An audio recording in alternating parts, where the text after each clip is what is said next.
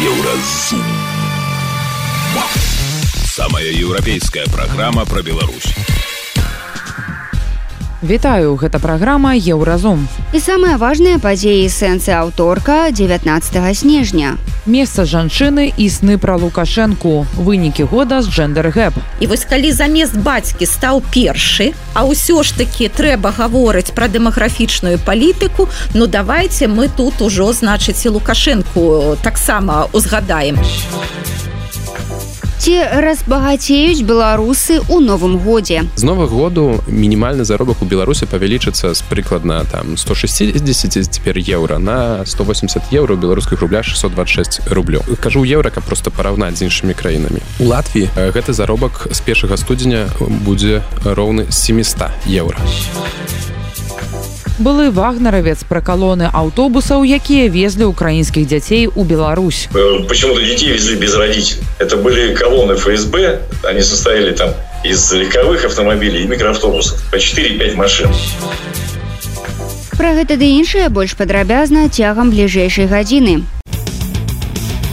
Еўразум. Жыві ў рытме Еўропы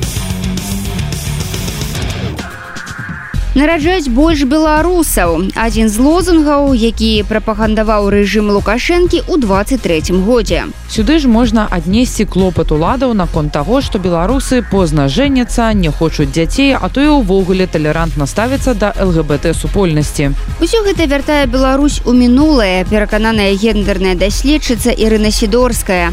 І тое што цяпер упускае беларускае грамадства ў плане свайго натуральнага развіцця аднойчы давядзецца дагадаць ганяць і выпраўляць. У апошнім у гэтым годзе выпуску праграмы Джендергэп пагаворым пра вынікі, што мы зразумелі, разглядаючы беларускую ўладу праз гендерную лінзу. З Ірынай сідорскай гутарыць наш галоўны рэдактар Павел Свердлоў. Ірына, ну пачынаем. Для мяне направду шмат адкрыццяў адбылося падчас нашай праграмы. Калі вось мы пачалі менавіта глядзець ну, гэта гендерная лінза, гэта цікавае такое ўдалае спалучэнне праз э, святло праз гендерныя стэеатыпы Чаму там фотошопіць качанова умоўна кажучы да што ў гэтага нашмат больш глыбокія карані чым просто жаданне зрабіць карцінку лепшай да. Вось гэтыя ўсе фразачки прапагандыстаў быццам бы выпадковыя да але якія ўварачваюцца. І колькі апошнім часам стала там всякихх розных ток-шоу і гэтых выступаў да на тэму абортаў на тэму лгбт на тэму ўсяго астатняга. Куды рухаецца беларуская ўлада і беларуская дзяржава ў плане гендера што мы зразумелі за гэты год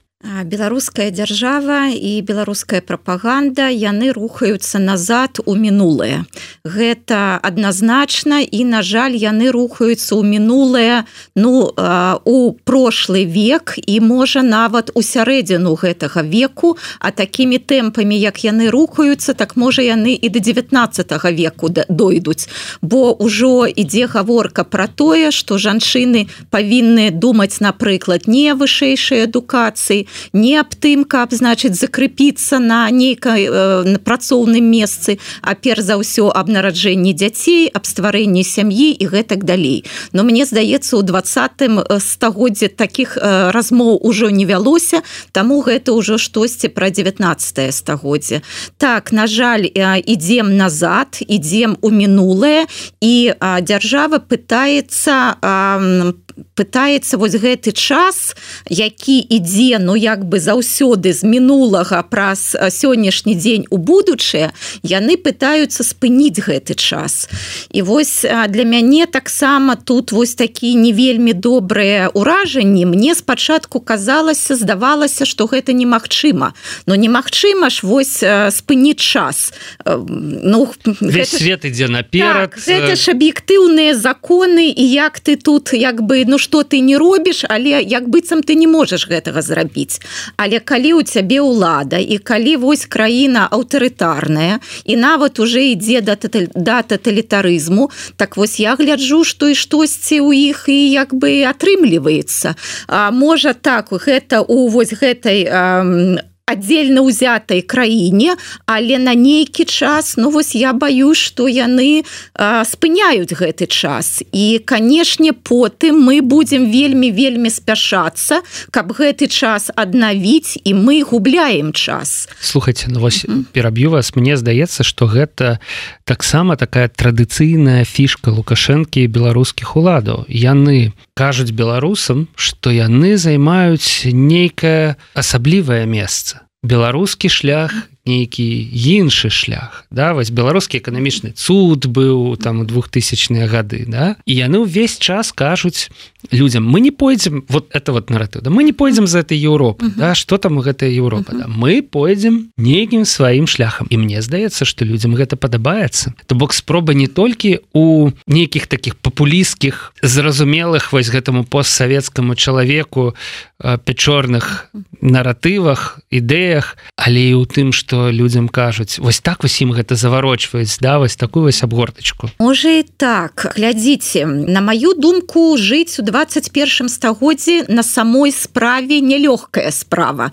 А, свет такі складаны разнастайны супрацьлеглы і складана разабрацца як правільна поступаць вось куды мы ідзем что трэба рабіць і гэтак далей. І калі ты глядзіш назад здаецца о а раней усё было зразумела. Усё там было вось было чорнае вось белое зразумела что павінны былі рабіць жанчыны что павінны былі рабіць мужчыны. І вось быццам бы добра было. Але зразумела что гэта ілюзія і трэба мець мужнасць жыць у свой час. Трэба ну вось не баяцца гэтых выклікаў часу гэтых чэленджаў які вось сучаснасць як бы перад намі ставіць. Трэба іх прымаць і з годнасцю ну гэтыя выпрабаванні пераадольваць.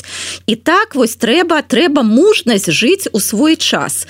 А, а улада вось такая папулістская так яна гаворыць людям а мы не пойдзем по гэтаму складанаму шляху у нас ёсць свой іншы шлях нам тут будзе прывычней прасцей мы больш разумеем але мне здаецца людзі разумеюць что гэта ўлада такая яна не сучасная яна боится не толькі будучага яна боится сённяшняга дня бо яна разумее что яна ну неэфектыўная у сённяшнім дні. Яна ж вельмі простая яна не складаная яна ну не разнастайная яна не суадносіцца з гэтым светом сказал что она такая прымітыўная Пры... не крэатыўная да? Так. То бок улада. Яна дацягне нас у мінулае. а Ужо трэці год прапаганда малюе беларусаў незгодных з рэжымам сапраўднымі монстрамі і надзяляе іх найгоршымі рысамі характару. Ну усе памятаюць пра наркаманаў і прастытутах якія нібыта выходзілі у двадцатым годзе на пратэсты. Ну а там дзе па меркаванні прапаганды адбываецца нешта светлае і пазітыўнае заўсёды прысутнічае Александр лукашенко і ягоныя чыноўнікі. І тут нельга не згадаць нядаўні перл пра тое што шлюбная пара 10 гадоў не магла зацяжарыць А калі гэта нарэшце здарылася пасля некалькіх спробаў эко перад родамі жанчыне прысніўся лукашенко. Павел свердлоў працягвае гутарыць з ірынай сідорскай то бок ізноў разам з гэтай вось тэмай з'яўлення дзяцей шчасця бацькоўства да вось побач з'яўляецца лукашенко да? я не ведаю як гэта атрымліваецца але мне здаецца что гэта нейкая абсалютна прадуманая э, стратегія для якой выдумляюцца вось інфармацыйная кампанія да для якой выдумляюцца навінавыя нагоды да, з мэтай все ж таки нейкім чынам падправіць імідж да за кошт станоўчых эмоцый раз. І з мэтай ну як могуць стымулююць да нараджальнасць Ну мне здаецца што вось той матэрыял пра якой вы гаворыце Ну гэта уже сапраўдны трэш. Я ўжо не ведаю як вы журналісты ну могуць такія матэрыялы рабіць.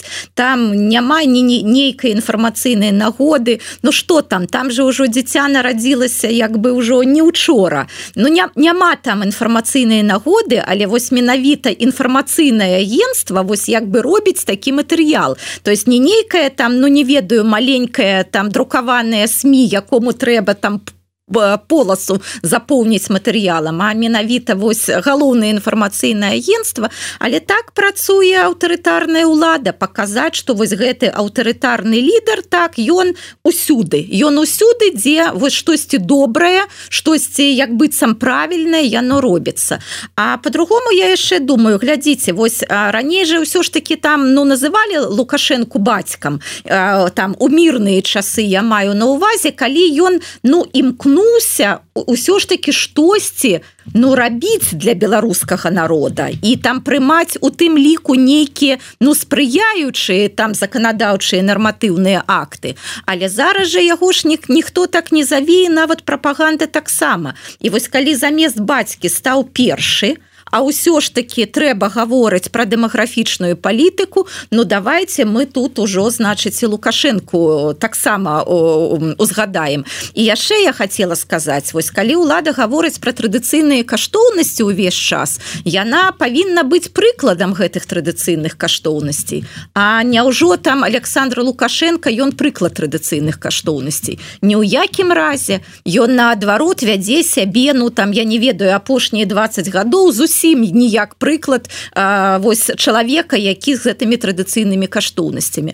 Але прапаганду гэта не бянтэжыць. Ну сучасная прапаганда яна ж такая она супраць так яна уве яна кажа сёння одно заўтра другое. А, нічога значыць у гэтым страшнага для ее для яе няма бо яна што хоча яна хоча парушыць давер да інфармацыйных крыніц наогул. Вось як быццам усе хлусяць вось усе хлусяць і мы таксама але мы як бы ж свая дзяржава таму вы прытрымлівайцеся лепей нас. А так усе хлусяць. І вось гэтым яна як бы разбурае давер у тым ліку да а, якасных незалежных медыя які якраз не хлусяць а даюць аб'ектыўную інфармацыю. Але вось прапаганда яна ну можа наўмысна сябе гэта дазваляе Ну у мяне тут дзве ремарки. Па-перша хацеў бы ўжо скончыць гэтую тэму з мне прысніўся лукашенко гэта выглядае таксама вельмі камічна калі ідзе вось сядзіць гэтая сям'я з дзіцём распавядаюць і плашка якая спадарожнічае это значится на Ютубе там на тэлебачанні написано по факту решение первого то бок вось гэтая сям'я. Ну як бы які які якая сувязь uh -huh. да сям'я это вот решение первого. Без яго без яго рашэння да. як бы. Гэта дзіця бы не, не, да, не нічого калі б ён не прысніўся да ўсё было б абсалютна па-іншаму У эфіры еўрарадыё наш галоўны рэдактор Павел свярдлоў і даследчыца Ірына сідорская абмеркавалі як паводзіла сябе ў 23 годзе беларуская ўлада калі глядзець гэта праз гендерную лінзу. Еўразум. Беларусь у еўрапейскім фокусе. Далей у праграме еўразум ці разбагацеюць беларусы ў новым годзе? З новых году мінімальны заробак у беларусе павялічыцца з прыкладна там 160 цяпер еўра на 180 еўро беларускіх рубля 626 рублё кажу еўра каб просто параўнаць з іншымі краінамі. У Латвіі? Гэты заробак з першага студзеня будзе роўны 700 еўра. Былы вагнаравец пра калоны аўтобусаў якія везлі украінскіх дзяцей у Беларусь. Почему-то детей везли без родителей. Это были колонны ФСБ они состояли там из легковых автомобилей и микроавтобусов по 4-5 машин. Сустрэнемся пасля навінаў спорту.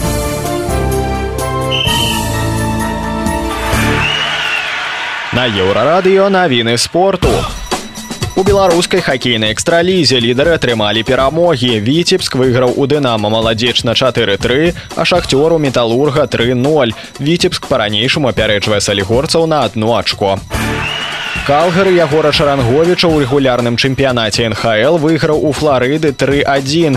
Беларускі хакеіст правіў на лёдзе больш за 20 хвілін, але на гэты раз вызначыцца закінутай шайбай не атрымалася. Беларускі гандбаліст Мікіта Вайлупаў яшчэ на два гады працягнуў кантракт з веспрымам. Вайлупаву 28 гадоў ён выступае за венгерскі клуб з лета мінулага года. У 63 матчах закінуў 235 мячоў. Беларуская федэрацыя футбола попрасіла УЕФА дазволіць правядзенне на тэрыторыі нашай краіны таварыскіх матчаў нацыянальнай зборнай. Вясной будзе два гады, як яна праводзіць хатнія паядынкі на нейтральнай тэрыторыі і без гледачоў. Федэрацыя спадзяецца правесці ў Беларусі таварыскія матчы, прызначаныя на чэрвень наступнага года апублікаваны спіс гульцоў кандыдатаў на атрыманне залатой буцы сезона. У яго выходзяць футбалісты якія адзначыліся найбольшай колькасцю галоў у еўрапейскіх чэмпіянатах. Нападаючы мінскага дынама ўладзіслаў марозаў займае 51 месца. За мінулы чэмпіянат беларусі ён забіў 16 галоў. У еўрапейскім рэйтынгу лідыруе англічанин хары кейн які ў 14 матчах за баварыю забіў 20 галоў.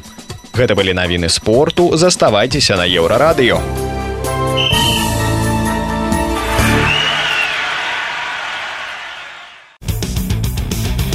Еўразум жыві ў рытме Еўропы. До конца 2023 года застаецца 12 дзён, але эксперты разам з еўрарадыё ўжо пачынаюць падводзіць вынікі і даваць прагнозы на год наступны. Па словах эканамістаў, у будучым годзе Лукашенко наўрад ці заявіць, што пасля бою курантаў беларусы пачнуць атрымліваць заробак у тысячу долараў чыстымі. А вось рост коштаў тое, што непасрэдна паўплывае на нашыя гаманцы. Дык што будзе з інфляцыяй і эканамічнай залежнасцю ад рассіі ці чакаць дэфіцыту тавараў у сувязі санкцыямі? На гэтыя пытанні слухачоў еўрарадыё і нашага рэдактара змітра лукашука адказвае эканаміст дарацца Святланы ціхановскай па эканамічных рэформах алеся ляхнович давайте по па чарзе, па чарзе та. да інфляцыю не ўтрымаюць? Інфляцыю а могуць і утрымаць беларускія ўлады паказваюць што яны могуць загадаць цэнам стаяць могуць пачаць арыштоўваць людзей бізнесоўцаў за за тое што цэны не стаяць все ж такі і часам гэта дапамагае так пэўны час. Зараз все ж таки ёсць інфляцыйны навес то бок грошай даволі шмат у эканоміцы і гэтыя цэны пакрысе пачынаюць ужо ўзрастаць. І хутчэй за ўсё ну гэта тэндэнцыя захаваецца у беларускай эканоміцы той токі цены будуць расці і беларускі рубель крышачку будзе ўсё ж таки дэвальваць дэвальвавацца плюс-мінус прапарцыйна і да росту цэнам то есть что будзе з коштамі ці чакаць дэфіцыт то значит кошты будуць расці кошты будуць расці дэфіцыту не трэба чакаць. Беларуская эканоміка выявілася больш гібкай чым здавалася то бок не страта такога вялікага для беларускай эканомікі рынку як Украіна не вялікія санкцыі не байкот беларускай эканомікі з боку міжнародных кампаній. Гэта ўсё не прывяло да нейкага спусташэння да нейкага сур'ёзнага эканамічнага крызісу. Так эканоміка прасела на амаль 5 процентаў у 22 годзе. Зараз яна вырасла на непоўных 4 процент у 23 годзе то бок яна нават не вярнулася да давай военнага стану калі паглядзець на больш шырокую карціну то беларуская эканоміка ў стагнацыі з 12 -го году. Яна расце ў сярэднім на менш чым один процент штогод а часам аседае бо былі рэцэсія 15 16 году 20 году 22 году так то бок три крызісы толькі за гэтыя 11 гадоў. І калі шырэй паглядзець яшчэ не, не толькі шырэй на беларускую гісторыю а паглядзець на, на, на краіны на, наших суседзяў. І гэта дарэчы тычыцца эканамічнай праграмы. Калі нехта пытаецца якая у дэмакратычнай беларусі эканамічнай праграме а якая ёсць у лукашэнкі. З новых года году мінімальны заробак у беларусі павялічыцца з прыкладна там 160 цяпер еўра на 180 еўра беларускіх рубля 626 рублёў кажу еўра каб просто параўнаць з іншымі краінамі у Латвіі гэты заробак з першага студзеня будзе роўны 700 еўра то бок ужо у амаль 4 разы вышэй. У літве гэта будзе 924 еўра з першага студзеня. У Польшчы будзе амаль 1000 еўра. У літве і у Польшчы мінімальны заробак у Польшчы у 5 разоў вышэйшы чым у беларусі. Безумоўна хтосьці скажа что там падаткі крышачку вышэйшыя цены крышачку вышэйшая але ўсё роўна розніца каласальная. Гэтай розніцы 30 гадоў таму калі лукашенко прыходзіць да ўлады не было а прынамсі яна не была такая відавочная а ў 91 калі развальваўся савецкі саюз то беларусы по якасцю жыцця і гэта колькасць медычных паслуг на душу насельніцтва колькі то бок колькасць лекараў напрыклад на, на, на тысячу жыхараў краіны колькасць квадратных метраў жылля колькасць спажывання мяса рыбы сокаў бульбы і так далей колькасць вырабу тавараў. Яна была вышэйшая ў беларусі чым у польшчы 33-32 гады таму. Зараз наша розніца толькі па мінімальных заробках складае ў 5 разоў. І гэтая розніца яна павялічваецца з 2012 году калі беларуская эканоміка вось уже знаходзіцца ў стагнацыі. Гэта не пытанне апошніх трох гадоў палітычнага крызіса эканамічных санкцый войны гэта пытанне там таго что беларуская эканамічная модель уже давно страціла э, свой патэнцыял і яна не можа развівацца. І мы э, калі вы пытаетесь конкретно прадаваць четверт год я не могу сказаць у якім месяцы там вырасце эканоміка на один процент ці упадзе на один процент. Бо гэта кароткатэрміновае рашэнне. Але доўгатэрмінова калі глядзець мы знаходзімся ў стагнацыі з 12 -го году а за гэты час Польша і літва Латвія яны выраслі вельмі значна. На момант на студзень 22 -го году напердадні войны ва ўкраіне украінцы зараблялі ўжо больш чым беларусы калі ўлічыць іх шэры сектар э, той які не адлюстроўваецца статыстыкай. І Беларусь была другой самай беднай краіны пасля Малдовы у Еўропе сярод амаль 50 еўрапейскіх краін. Вось да гэтага давеў лукашенко вось такая сённяшняя эканамічная праграма праграма беларускіх дэмакратычных сіл. Яна на вяртанне у Еўропу на тое каб беларуская эканоміка выглядала сучасна рынкавая эканоміка і на на той каб мы супрацоўнічалі з усім светам а не толькі з, з рассеяй альбо іншымі вось краінамі ізгоямі за якімі лукашенко сёння супрацоўнічае. Працягваем размову з алесем аляхновічам. Эканаміст удзельнічае ў распрацоўцы эканамічных рэформаў для вольнай беларусі. І падчас размовы часта звяртаецца да гэтай тэмы дарэчы А як расійскія военные заказы уратоўваюць беларускую эканоміку бюджэты прадпрыемствы? безумоўна. Гэта тое что вельмі моцна дало штуршок для у гэтым годзе что сапраўды беларускія і ВПК і іншы бізнес ён цяпер перастроіўся на працу з расійскім рынкам. І ў цэлым па розных назіраннях па розных інтэрв'ю таксама з беларускім бізнесам ён адчувае сябе не так блага. То бок бізнес знайшоў як пераарыентавацца не заўсёды заўсёды гэта тычыцца даставак менавіта да расійскага ВПК так то бок не ўвесь беларускі бізнес які працуе на рассею ён працуе з ВПК але тым не менш ён працуе з расійскай эканоміка таму пасярэдне канешне ён падтрымлівае гэтую краіну агрэсію супраць Украіны. Атрымліваецца что вот пытанне апошняе тут было наколькі мы будзем залежаць ад Росіі 24 годзе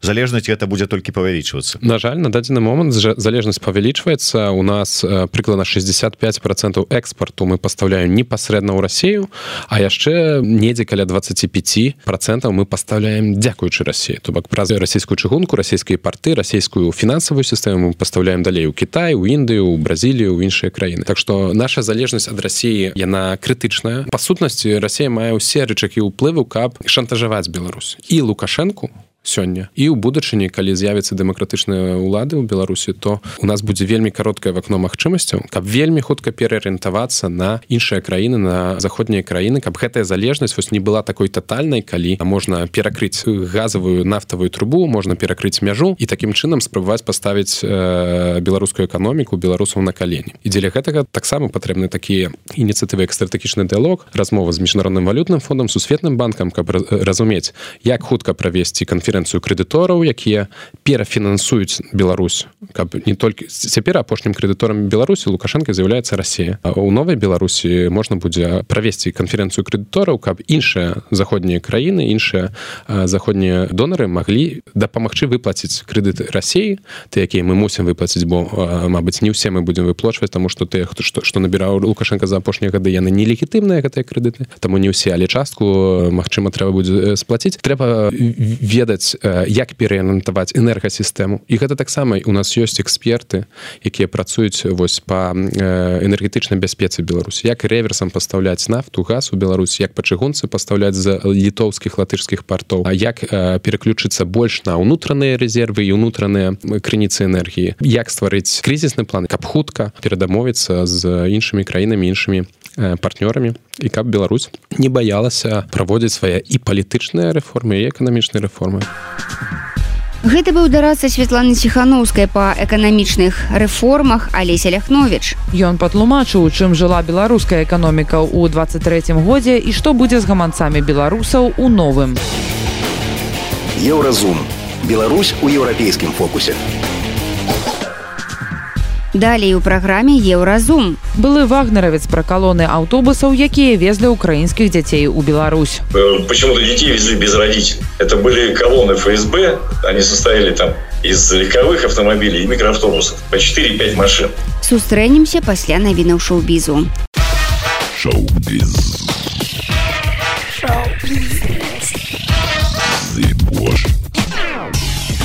Навіны шоу-бізу на еўрарадыё.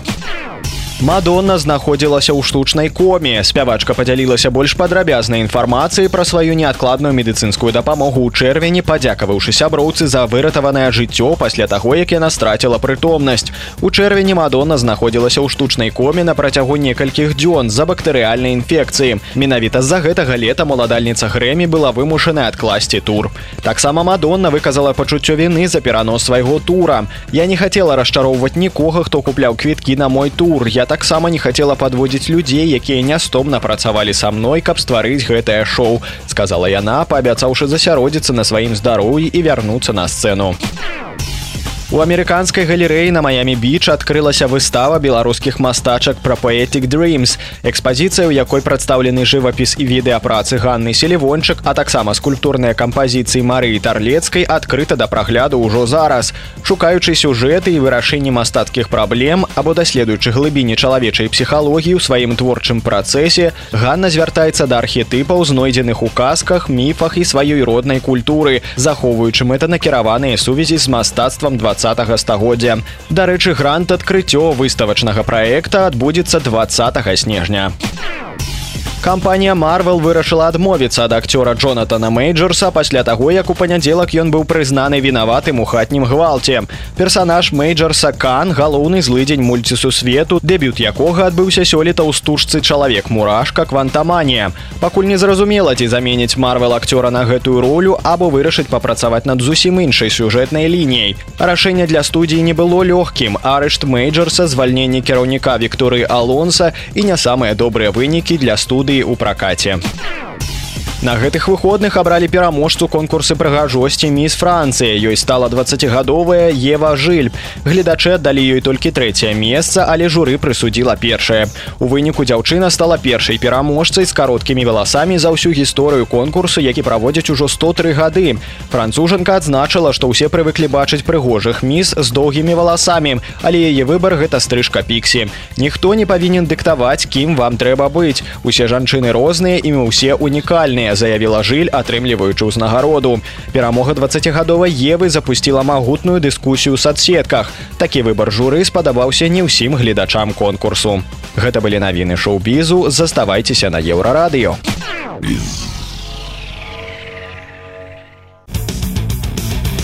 Еўразум. Жыві ў рытме Еўропы. у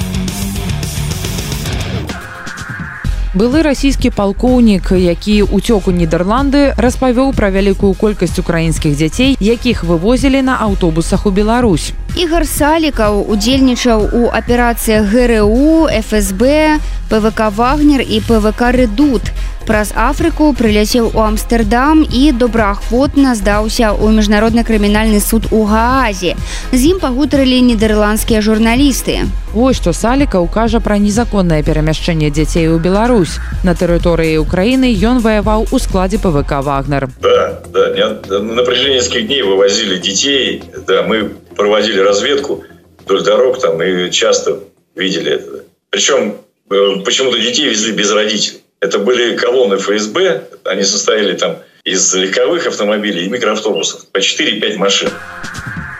Сваёй заяве ў міжнародны крымінальны суд салікаў сцвярджае, што загады вагнераўцам звычайна прыходзілі непасрэдна з міністэрства обороны Росіі, а часам нават з адміністрацыі Пуціна. Былы афіцэр запэўнівае, што быў сведкам зверстваў расіян супраць мірнага украінскага насельніцтва. Сам ён адмовіўся аддаваць загад аб расстрэле цывільных, расчараваўся ў справе рассіі і вырашыў даць паказанні пра злачынствы, якія Крэмль робіць ва ўкраіне. Тут яго аповед пра выбары ў данецку збіты верталёт з расійскімі дэсантнікамі спаборніцтвы фсб і гру і свой удзел у вайне тогда настолько было знаете как пассионарии были настроены на то что это именно тот выход то есть такой то есть как бы что страна сейчас будет консолидироваться что-то из себя представлять на мировой арене там вот, и защита там русского населения и так далее. Никто не знал тогда, к чему это все приведет и какими методами это все будет делаться. Вот эти мерзавцы, которые стали занимать там посты, как гибли мирные жители там. То есть здесь надо понимать, я лично туда входил это было такой нарратив борьбы с фашизмом. То есть как бы было реально мы верили в это, что там вот на Украине происходит э, вот это националистический такой подъем с фашистским уклоном, там, что а, могилы наших дедов там разрисовывают свастикой. Это было, э, значит, это соревнование между ГРУ и ФСБ. То есть этот приказ, эту операцию, ну, я и слышал ее термин такой, ее называли параллель. То есть в июне э, был сбит э, самолет Ил-76 с десантниками в июне, в июне э, в Луганске. Это группа «Вагнер», тогда Дима Уткина сбила значит, э, десантный самолет. И это был фурором для э, Кремля и для, ну, кто организовал, для Путина принесли результат. Тогда решался вопрос, кого финансировать. Либо Пригожина, либо Гиркина. Вот э, операция БУК вот, или параллели, вот это, которые должны были э, сбить э, военный самолет, она была рассчитана на, для того, чтобы Гиркина приподнять. Ну, в смысле, как бы перетащить на себя финансирование. Ну, то есть, эту операцию планировали однозначно в Генштабе и в Кремле. Скорее всего, Генштаб просто как выполняющий э, распоряжение, а так это было спланировано, ну, где-то в администрации президента там, потому что э, финансировал эту тему Малафеев, от него ну, один из них. Донецкий, вся вот эта революция, она происходила возле здания УГА. То есть, как бы, люди, э, жители Донецка, на это все смотрели как на какое-то, ну, типа, театральное шоу, что то там. Фальсификация Правда? выборов. Вы присутствовали в фальсификации выборов? Ну, э, референдум. Ну, я не только присутствовал, я как был в гуще этих событий, скажем так. Ну, в смысле, мы охраняли Бородая. Соответственно, выполняли все поручения. В том числе на моих глазах э, проходил э, потасовка. Ну, как бы, в принципе, это не выборы никакие, не референдумы. Это была такая фикция. Паводле экспертаў тое, што сцвярджае ігар салікаў, адпавядае рэчаіснасці.